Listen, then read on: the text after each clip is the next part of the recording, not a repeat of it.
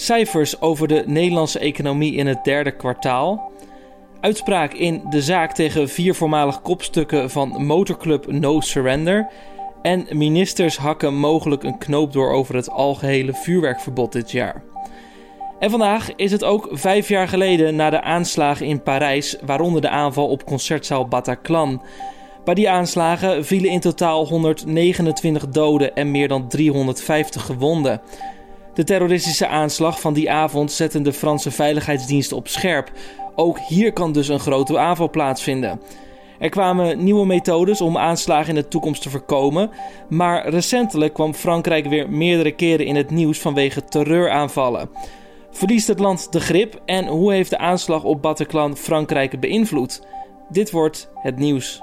De aanslagen zijn eigenlijk nooit weg geweest. Het is altijd doorgegaan, alleen er was minder aandacht voor in de media. Daarom stond het ons allemaal niet meer zo goed op het netvlies. Nu is dat beeld weer helemaal terug. Je hoorde Jelle van Buren. Hij is terrorisme-expert en onderzoeker in het een, uh, Europese samenwerking aan de Universiteit Leiden. Straks praat ik met hem hoe Frankrijk is veranderd na de aanslagen van 13 november 2015. Maar eerst kort het belangrijkste nieuws van nu. Mijn naam is Dominique Schep en het is vandaag vrijdag 13 november. Het vaccin van farmaceut Pfizer, dat bij de eerste onderzoeksresultaten een effectiviteit van 90% behaalde, beschermt de drager waarschijnlijk voor minstens één jaar tegen het coronavirus.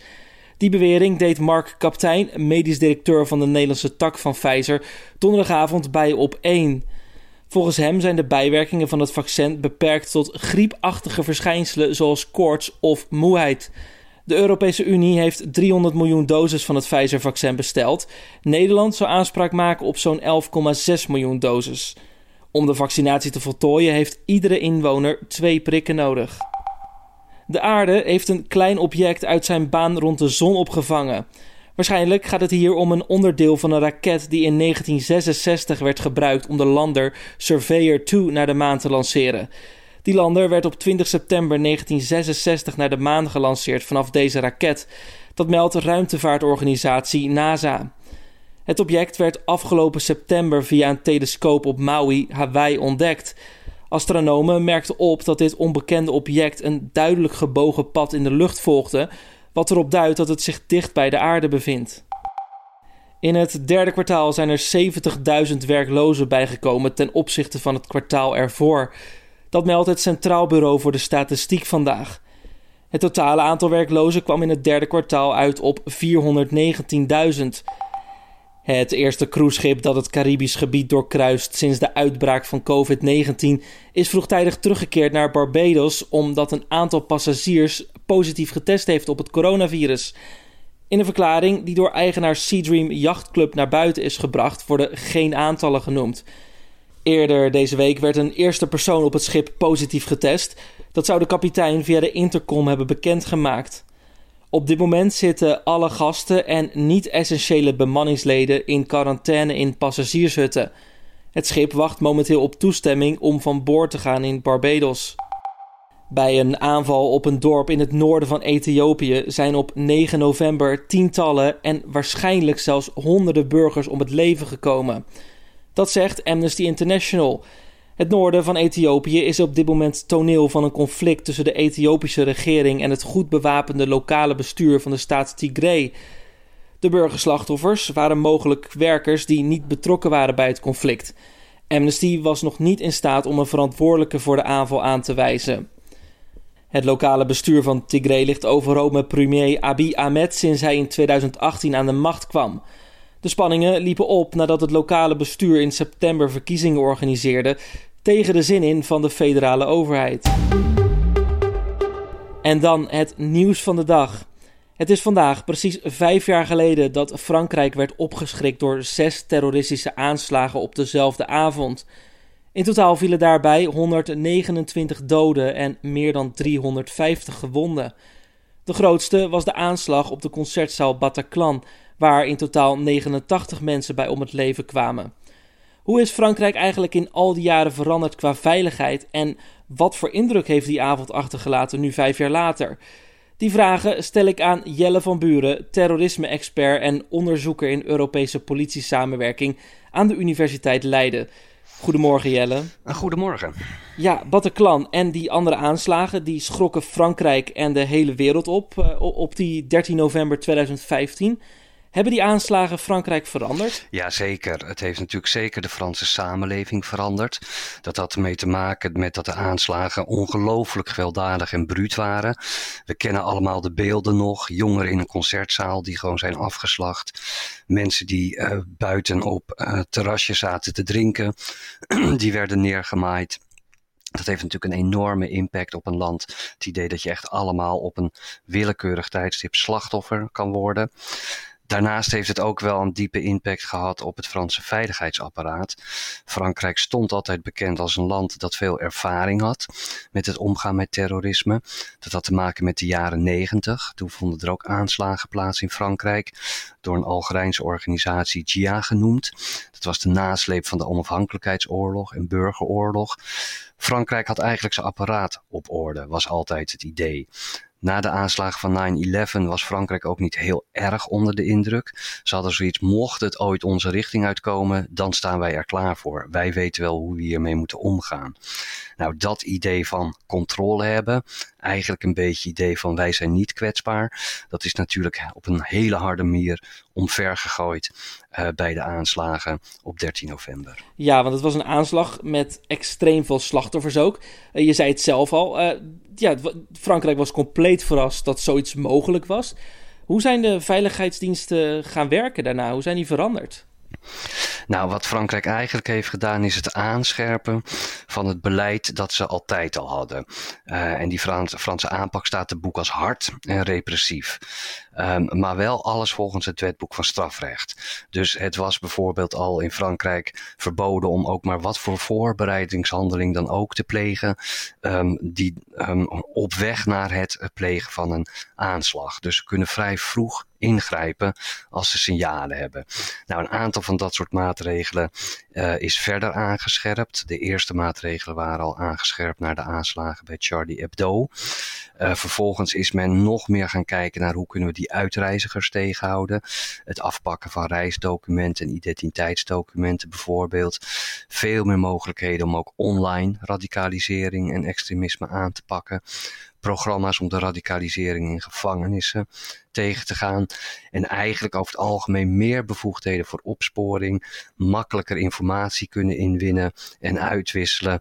Um, en het gebruik van allerlei data, bijvoorbeeld bij de verkoop van prepaidkaarten voor mobiele telefoons, of het gebruik van passagiersgegevens van luchtvaartmaatschappijen, om die te gebruiken bij de bestrijding van terrorisme. -hmm. -hmm. Ze hebben dus een, een heel apparaat uit de kast getrokken om aanslagen te voorkomen. Uh, maar eigenlijk al vrij snel, even uit mijn hoofd gezegd, acht maanden geloof ik. Uh, toen kwam alweer de grote, echt volgende grote aanslag in Nice. heeft het dan niet geholpen, die, die aanpak? Of waren ze gewoon nog niet warm gedraaid? Het kost altijd tijd voordat je zo'n aanpak echt helemaal um, hebt vervol, vervolmaakt en helemaal uitgewerkt. Alleen het blijft ook gewoon heel erg ingewikkeld om goed zicht te krijgen op kleine clubjes. Uh, of, bijvoorbeeld eenlingen die aanslagen plegen. En dat is natuurlijk de ervaring in alle landen. Um, heel veel aanslagen worden voorkomen. Heel vaak is men er wel tijdig bij. Maar ja, het hoeft er maar eentje door het net te slippen. En dat kan altijd gebeuren. En dan kun je toch een hele grote um, aanslag uh, uh, uh, krijgen. die weer een enorme impact op de samenleving heeft. Ja, die aanslagen hopen ze dan ook wel geheim te houden in de media. Maar goed, um, als we nu even vijf jaar doorspoelen naar vandaag. De laatste tijd vinden er toch wel weer heel veel incidenten en aanslagen plaats. De bekendste was natuurlijk de dood van die Franse leraar en, en de kerk in Nice.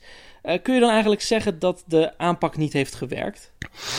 Nou, als je kijkt naar de chronologie van allerlei aanslagen, dan is het eigenlijk in Frankrijk nooit weggegaan. We hebben er nu weer heel veel aandacht voor, omdat het nu natuurlijk weer om een, zeg maar, haast spectaculair vredemoord ging. De onthoofding van een leraar. En dat heeft terecht weer een hele grote schok in de samenleving gebracht. Maar ook de jaren daarvoor zijn er elk jaar dit soort incidenten geweest. Er zijn bijvoorbeeld veel politieagenten en militairen die het doelwit zijn geworden van aanslagen uh, door e door eenlingen. Dus de aanslagen zijn eigenlijk nooit weg geweest. Het is altijd doorgegaan, alleen er was minder aandacht voor in de media. Daarom stond het ons allemaal niet meer zo goed op het netvlies. Nu is dat beeld weer helemaal terug. En terecht wordt dan natuurlijk de vraag gesteld: hoe kan dit nou? Hè? Waarom kunnen ze dit nou niet voorkomen? Nou, dat heeft eigenlijk met twee dingen te maken. Um, je ziet dat uh, de aanslagen van de afgelopen jaren worden gepleegd door eenlingen of hele kleine clubjes mensen. Die zijn per definitie moeilijker in beeld te krijgen dan grotere groepen die met elkaar communiceren of die bij elkaar samenwonen. Wat ook meespeelt is dat de middelen die worden gebruikt eigenlijk heel eenvoudig zijn. Een goed keukenmes kan het werk doen. Nou, het is natuurlijk bijna onmogelijk om controle te hebben op de verkoop van messen of andere steekwapens. Dus ook dat maakt het ingewikkelder. Maar daaronder zit nog wel een ander probleem. En dat is dat Frankrijk wel heel erg goed is in de harde repressie, maar eigenlijk veel minder goed is in het tegengaan van radicalisering en ook veel minder, zeg maar, genesteld is in de haarvaten van de samenleving, zoals wij dat noemen. En dan moet je vooral ook aan de banlieue denken of andere gebieden waar eigenlijk uh, het Franse staatsapparaat verdwenen is. Daar hebben ze geen ogen en oren meer, zoals dat wordt genoemd. Uh, ze zijn er niet in geslaagd om goede banden aan te gaan met allerlei organisaties of welzijnsorganisaties, scholen, al die plekken waar eigenlijk als eerste mensen doorhebben dat het bijvoorbeeld verkeerd gaat met iemand. En omdat ze die informatie missen, is het ook ontzettend moeilijk om op tijd zicht te krijgen op bijvoorbeeld een eenling of een heel klein clubje mensen dat aan het radicaliseren is. Het is wellicht lastig om te generaliseren in de motieven van deze aanslagplegers. Uh, maar in 2015 wisten we natuurlijk dat, dat zij het deden uit naam van Islamitische Staat, IS. Uh, maar IS is eigenlijk zo goed als verslagen. Uh, en deze islamitische aanslagplegers lijken toch niet echt een hoger doel te hebben. Is het gewoon een haat tegen Frankrijk uh, die ze koesteren dat ze deze aanslagen plegen? Nou, wat je ziet is dat de extremistische ideologie van IS nog steeds springlevend is. De organisatie zelf heeft natuurlijk zware klappen gehad. Het kalifaat is grotendeels ontmanteld. Maar de organisatie bestaat nog steeds wel, ook in Irak en Syrië. En dan zie je dat ze eigenlijk weer wat terrein winnen. Maar vooral het idee is nog steeds springlevend. En dat idee slaat nog steeds aan bij mensen, ook in Frankrijk. En dat gaat voor een gedeelte over haat tegen Frankrijk, woede tegen Frankrijk. Maar het is toch ook de jihadistische ideologie zelf die heel erg aantrekkelijk is voor mensen. En in die ideologie zit nou eenmaal een potentiële gewelddadigheid opgesloten. En IS roept in haar propaganda stelselmatig mensen op: doe vooral wat zelf, wacht niet op ons. Iedereen kan op dit moment toeslaan als je maar, um, als je het maar wilt, als je maar gemotiveerd genoeg bent. Dus ook die propaganda doet nog steeds zijn werk. Mhm. Ja, dat lijkt me ook wel frustrerend voor die veiligheidsdiensten. Uh, die proberen om die aanslagen juist te voorkomen, dat het ze gewoon niet lukt om die aanslagplegers in een vroeg stadium aan te pakken. Um, dan even iets anders. Emmanuel Macron die is uh, goed klaar met al die aanslagen door islamitische aanslagplegers. Uh, en ik citeer even iets wat hij uh, recentelijk zei. Um, hij zei: De islam bevindt zich in een crisis. Um, gooit hij hier niet juist meer olie door op het vuur door zoiets te zeggen? Nou ja, ja en nee. Uh, Macron heeft ook gezegd dat de islam zich in een crisis bevindt. Daar is heel fel op gereageerd door landen uit de islamitische wereld. Daar kun je ook wel iets bij voorstellen. Waar bemoeit zo iemand zich mee? Hoezo heb jij uitspraken te doen over onze religie? Maar eigenlijk zit er natuurlijk wat onder. En dat is het probleem. En dat is ook door Macron aangekaart. Hè. Dat gaat niet zozeer over de islam als religie. Maar over wat dan het islamisme wordt genoemd. De meer politieke uh, vorm van um, islam die heel dicht tegen jihadisme aanschurkt. En wat hij als probleem eigenlijk op de agenda heeft gezet, is dat je in Frankrijk zeg maar enclaves begint te krijgen, waarin de invloed van dat soort politieke islamisten heel groot is en waarin intolerantie wordt gepredikt, waar waarden en normen worden verkondigd die haak staan op de waarden van de republiek en die zich eigenlijk afscheiden van de samenleving. En uh, dat zie je dan bijvoorbeeld terug in wat helaas op een hele gewelddadige manier zichtbaar is geworden door de onthoving van de docent. Maar dat is een probleem wat al langer speelt, dat je bijvoorbeeld in het onderwijs allerlei zaken niet meer kan bespreken of niet meer openlijk kan bediscussiëren. Dat is waar hij zijn pijlen um, op heeft gericht.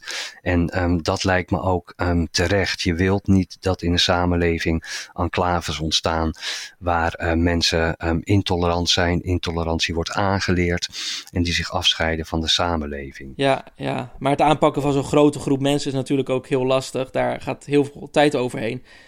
De kans lijkt dus eigenlijk heel groot te zijn dat als wij over vijf jaar spreken opnieuw en dat we dan tien jaar Bataclan herdenken, dat de kans heel groot is dat de, de situatie eigenlijk nog hetzelfde is. of dat er weer hetzelfde speelt. Dat kan. Het zou heel mooi zijn als je wel kan constateren dat het op een aantal gebieden aan het verbeteren is. Maar dit is een probleem waar we nog heel lang mee te maken zullen hebben. In Frankrijk, maar natuurlijk ook in andere Europese landen. Um, het zal niet helemaal verdwenen zijn. Um, het zou wel prettig zijn. Maar ja, de wens is de vader van de gedachte, zoals men zegt. Dat het in ieder geval op een aantal punten is verbeterd uh, de komende jaren. Ja, Frankrijk is er nog niet klaar mee voorlopig. Nee, Frankrijk is er nog niet klaar mee. Nederland is er nog niet klaar mee. Duitsland is er nog niet klaar mee. Engeland is er nog niet klaar mee. Um, dit probleem is een internationaal probleem. Het heeft een internationale dynamiek. En voorlopig um, zullen we onze handen er nog wel vol aan hebben.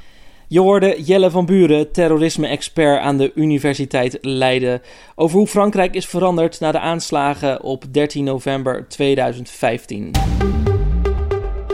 En dan een kijkje naar de nieuwsagenda voor deze dag. Vandaag om half tien maakt het Centraal Bureau voor de Statistiek bekend hoe de Nederlandse economie het ervan af heeft gebracht in het derde kwartaal. Na een enorme krimp in het tweede kwartaal is de verwachting dat de economie het dit keer iets beter heeft gedaan en weer is gegroeid. Mogelijk is die groei wel van korte duur omdat we inmiddels in de tweede coronagolf zitten. Die heeft onder meer de reisbranche en de horeca vrijwel volledig weer tot stilstand gebracht. En dan ook rechtszaaknieuws vandaag. In Groningen wordt uitspraak gedaan in de zaak tegen vier voormalig kopstukken van motorclub No Surrender. De mannen staan terecht voor het leidinggeven aan een criminele organisatie. De hoogste strafeis is 12 jaar cel. Satudara, een andere motorclub, verschijnt vanmiddag voor de Hoge Raad. De motorrijders proberen een opgelegd verbod met een laatste kans terug te draaien. Het Openbaar Ministerie bestempelde hen eerder als een crimineel broeinest en verbood de club. Tot slot staat er ook nog entertainmentnieuws op de agenda. Want vanavond om 8 uur is de finale van het tweede seizoen van The Masked Singer. In het programma nemen bekende Nederlanders een nieuwe gedaante aan in de vorm van een dierenpak en zingen zij vervolgens een liedje. De jury en de kijkers thuis raden vervolgens wie er in het pak zit. De zangshow breekt wekelijk kijkcijferrecords. Bijna 3 miljoen Nederlanders keken afgelopen vrijdag bijvoorbeeld naar het programma. Dit seizoen deden onder meer Willeke Alberti, Famke Louise en Joris Linsen mee. De vier finalisten van vanavond bestaan uit De Vos, Neptunus, De Panter en De Zebra. Het weer dan nog voor deze vrijdag van Weerplaza. Alfred Snoek, goedemorgen. Vanmorgen breekt vooral in het noordoosten en oosten van het land nog even de zon door. Elders is al meer bewolking en de bewolking die neemt niet alleen toe, wordt ook steeds dikker. En vooral vanmiddag valt er op steeds meer plaatsen ook wat regen of motregen. De zuidwestenwind voert vrij zachte lucht aan. De temperatuur loopt in de middag op naar 12 tot in het zuiden lokaal 14 graden. De komende dagen blijft het wisselvallig, maar is het erg mild. En dan nog dit. Je hebt het mij al een paar keer horen zeggen, deze podcast. Het is vandaag vrijdag de 13e. Blijf dus vooral uit de buurt van zwarte katten en loop niet onder een ladder door, want dit jaar heeft al voldoende ellende meegebracht. Het is natuurlijk allemaal bijgeloof, maar hè, je weet het nooit. Tot zover de ochtendpodcast van deze vrijdag. Het is voorlopig ook mijn laatste, want vanaf maandag is Carné van der Brink weer terug van zijn vakantie. Dus hij uh, mag meteen weer vroeg gaan opstaan. Ik uh, draai me dan nog een keer uh, weer, weer om. Ik vond het leuk om de afgelopen twee weken het stokje van hem over te nemen. Dus wie weet spreken we elkaar weer snel. Heb je tips of feedback? Die kunnen gewoon zoals gebruikelijk naar podcastapenstaartje nu.nl. En ook nog leuk, vanmiddag is er weer een Week van Nu, waarin onze hoofdredacteur Gert-Jaap Hoekman in gesprek gaat met nu.nl-redacteur over de nieuwskeuzes van afgelopen week. Mijn naam is Dominique Schep. Ik wens je een hele fijne vrijdag, een goed weekend. En zoals gezegd, maandagochtend is Carne er weer. Tot dan.